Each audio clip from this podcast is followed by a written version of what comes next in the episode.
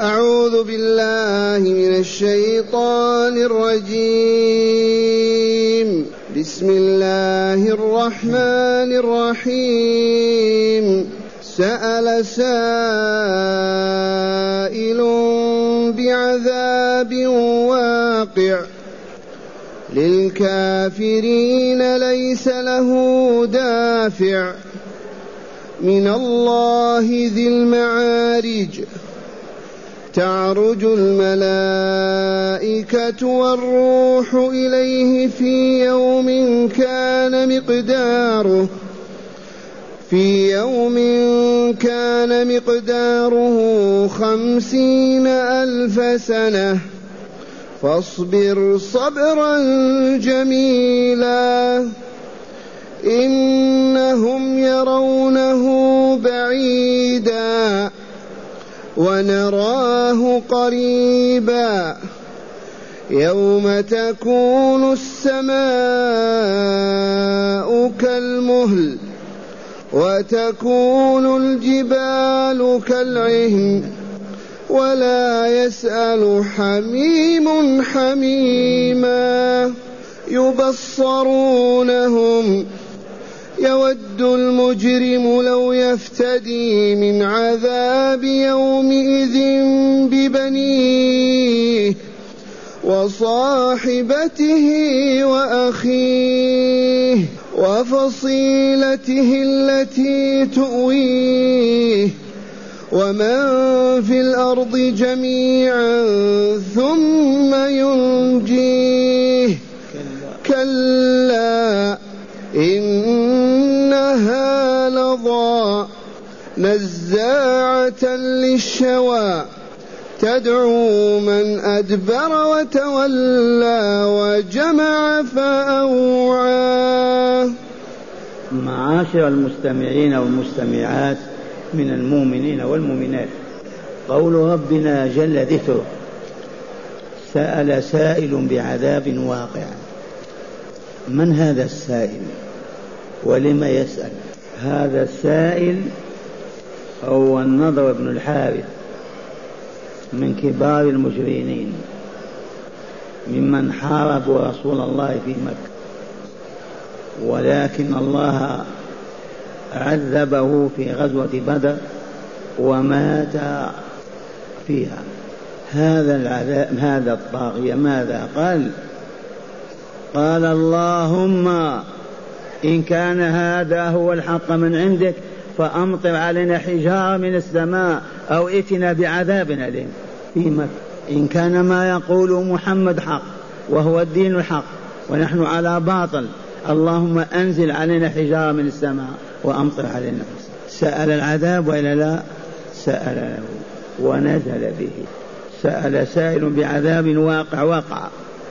للكافرين ليس له من الله دافع من يدفع عذاب الله يوم القيامة عن الكافرين. من يدفع عذاب الله في الدنيا إذا أراده بقوم أمة. والله لا أحد. أبدا للكافرين ليس له دافع يدفع عنهم. من الله. العذاب ذلك من الله صاحب المعارج. المعالي والفضائل والكمالات كلها له.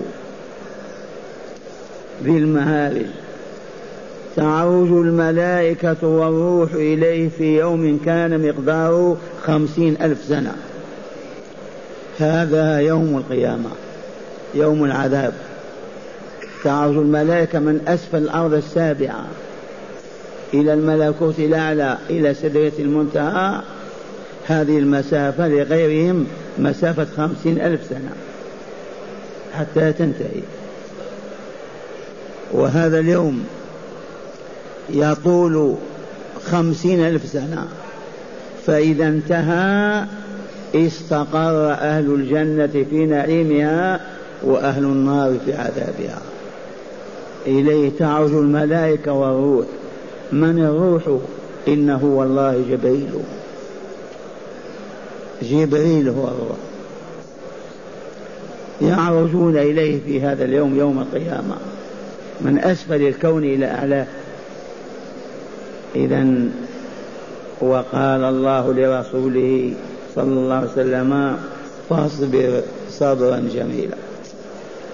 فاصبر يا رسولنا. صبرا جميلا لا جزع فيه. ولا غضب ولا سخط. اصبر.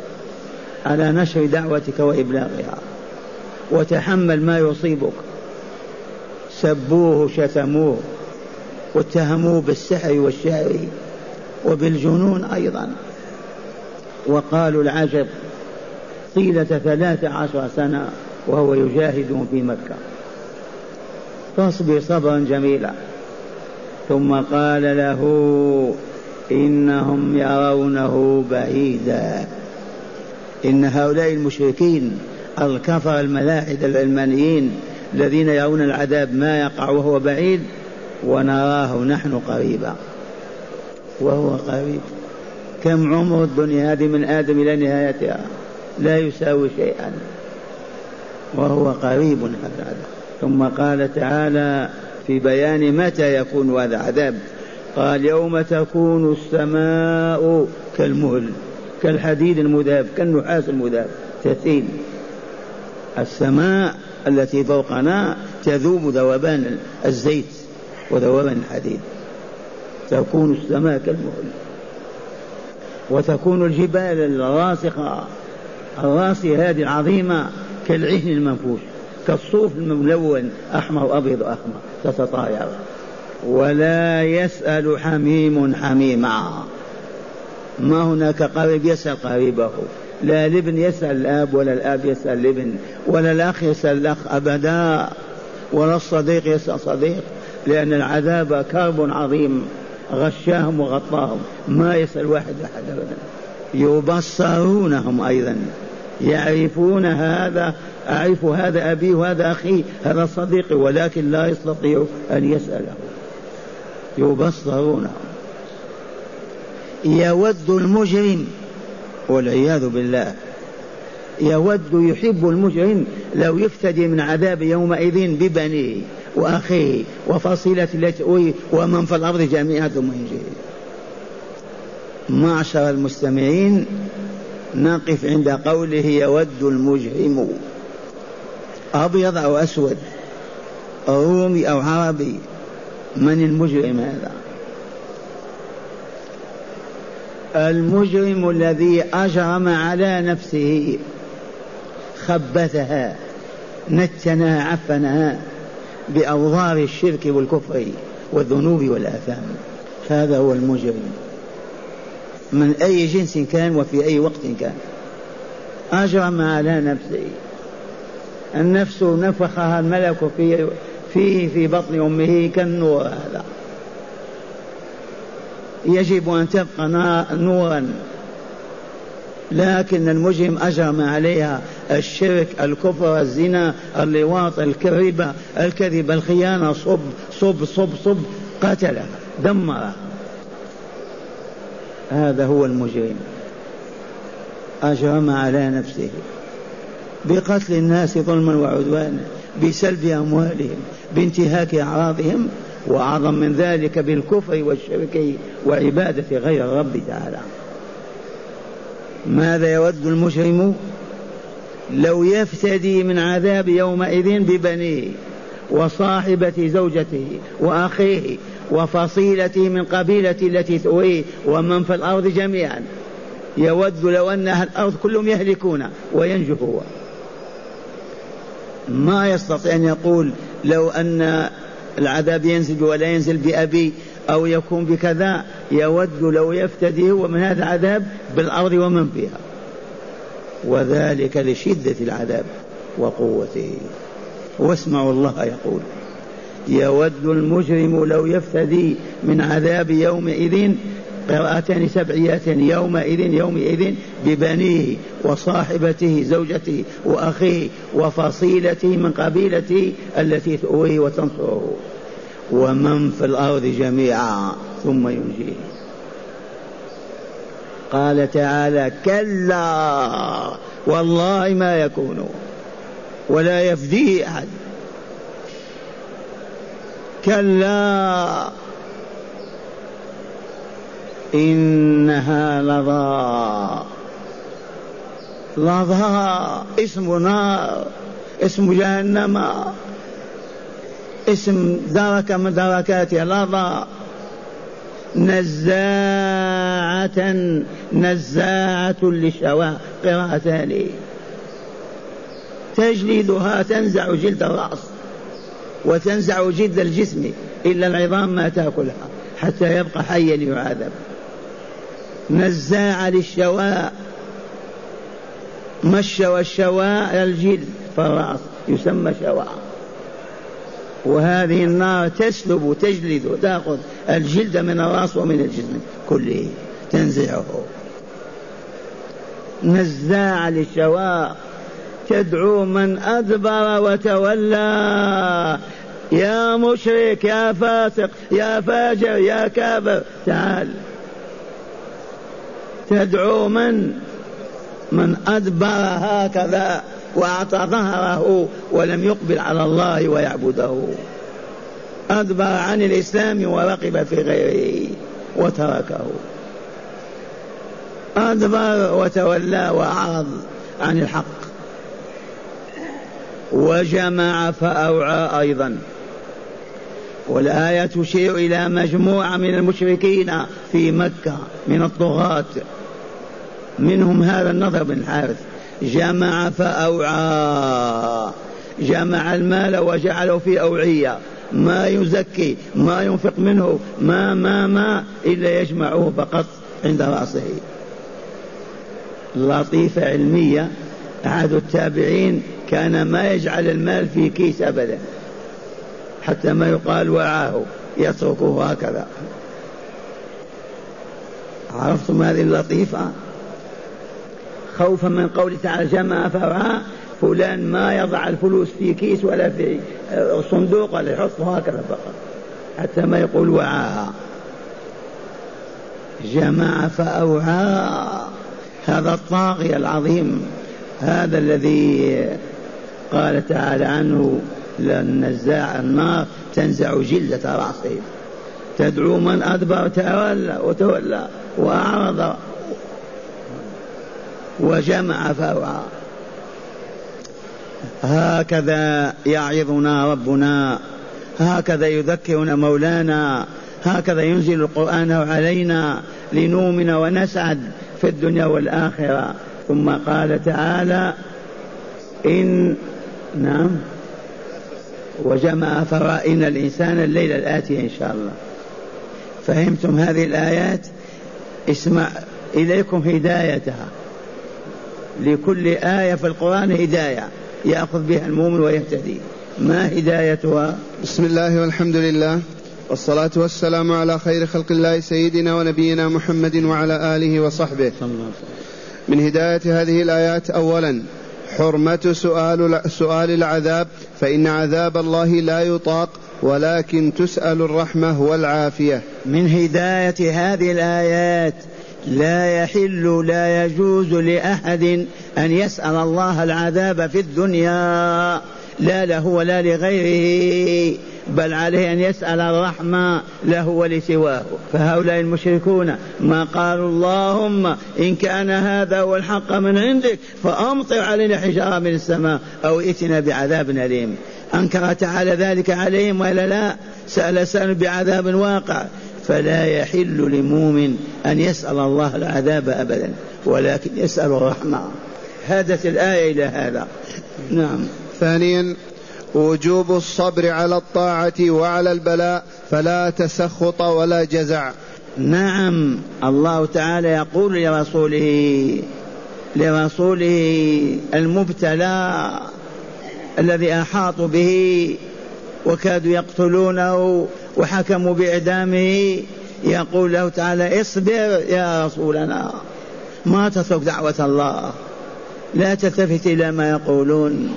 لا تنظر أسلموا أو لم يسلموا. اصبر ولا تجدع هكذا يأمره تعالى. وصبر ونصره الله. ودخل مكة فاتحة. وما بقي فيها كافر ولا كافرة. ثالثا تقرير عقيدة البعث والجزاء. من هداية الآيات التي قرأنا وسمعنا تقرير عقيدة البعث والجزاء. ثاني الإيمان بيوم القيامة ضروري لا بد منه. أركان الإيمان عندنا كم ركن؟ أليست ست أركان؟ خامسها الإيمان باليوم الآخر. واعلموا يا معشر المستمعين أن الذي لا يؤمن بلقاء الله والوقوف بين يديه. والله ما يستطيع أن يطيع الله. ولا يترك المعصية ولا يخرج من الظلم والشر والفساد. الذي ما يؤمن أنه سيبعث مرة أخرى وسيسأل عن عذاب عمله ويجزى به خيرا أو شرا الذي ما في نفس هذه العقيدة شر الخليقة. والله لشر الخليقة. والقردة والخنازير أفضل منه. ولا يعول عليه في شيء ولا يوثق فيه ولا يصدق فيما يقول أبدا لأنه مي أعمى والذي في قلبه الإيمان بأن الله سيبعثه وسيسأله سيحاسبه سيجزيه. هذا والله يحاسب نفسه بنفسه. إذا أذنب ذنبا استغفر الله وبكى. ما يقوى على أن يعصي الله أبدا. وهكذا الكفار. سوى اليهود والنصارى لا يؤمنون بالدار الآخرة أبدا ولا بالبعث والجزاء. نعم. رابعا عظم هول الموقف يوم القيامة وصعوبة الحال. من هداية الآيات بيان عظم موقف يوم القيامة وصعوبة الحال فيه إيه؟ نعم. يا له من يوم يا له من يوم يود المجرم لو يفتدي من عذاب يومئذ ببنيه وصاحبته واخيه وفصيلته التي تؤويه ومن في الأرض جميعا ثم يجيه لشدة الهول ولا لا والعذاب. نعم. خامسا وأخيرا التنديد بالمعرضين عن طاعة الله ورسوله الجامعين للأموال المشتغلين بها حتى سلبتهم الإيمان والعياذ بالله فأصبحوا يشكون في الله وآياته ولقائه. من هداية الآيات التي تدارسناها التنديد بالذين يجمعون الأموال من الحل والحرام ولا يزكون ولا ينفقونها ولا يعطون منها أحد. وهمهم كلهم في هذا المال يعبدونه والعياذ بالله. وعيدهم شديد كما أتم ماذا قال تعالى؟ إنه جمع فأوعى.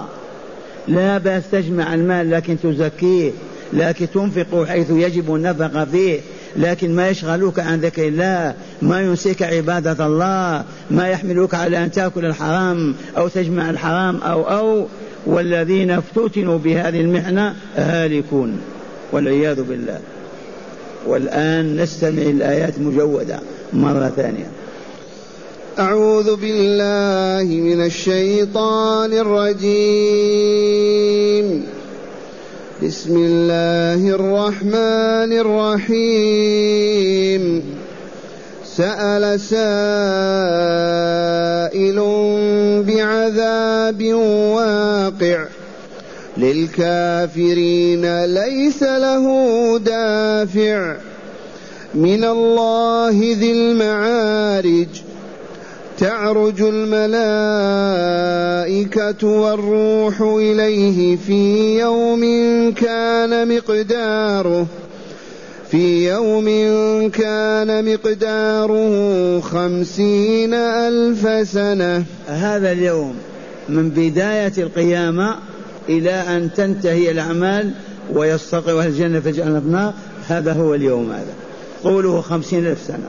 تعرج الملائكة والروح إليه. أن النبي سئل فقال المؤمن ولي الله وتقي الله هذا اليوم والله كما بين صلاتي يتوضأ ويصلي الفريضة. قولوا هذا اليوم عنده كالذي يتوضأ ويصلي الفريضة وينتهي ولا يشعر به. تعرج الملائكة والروح إليه في يوم كان مقداره خمسين ألف سنة. فاصبر صبرا جميلا. إنهم يرونه بعيدا ونراه قريبا. يوم تكون السماء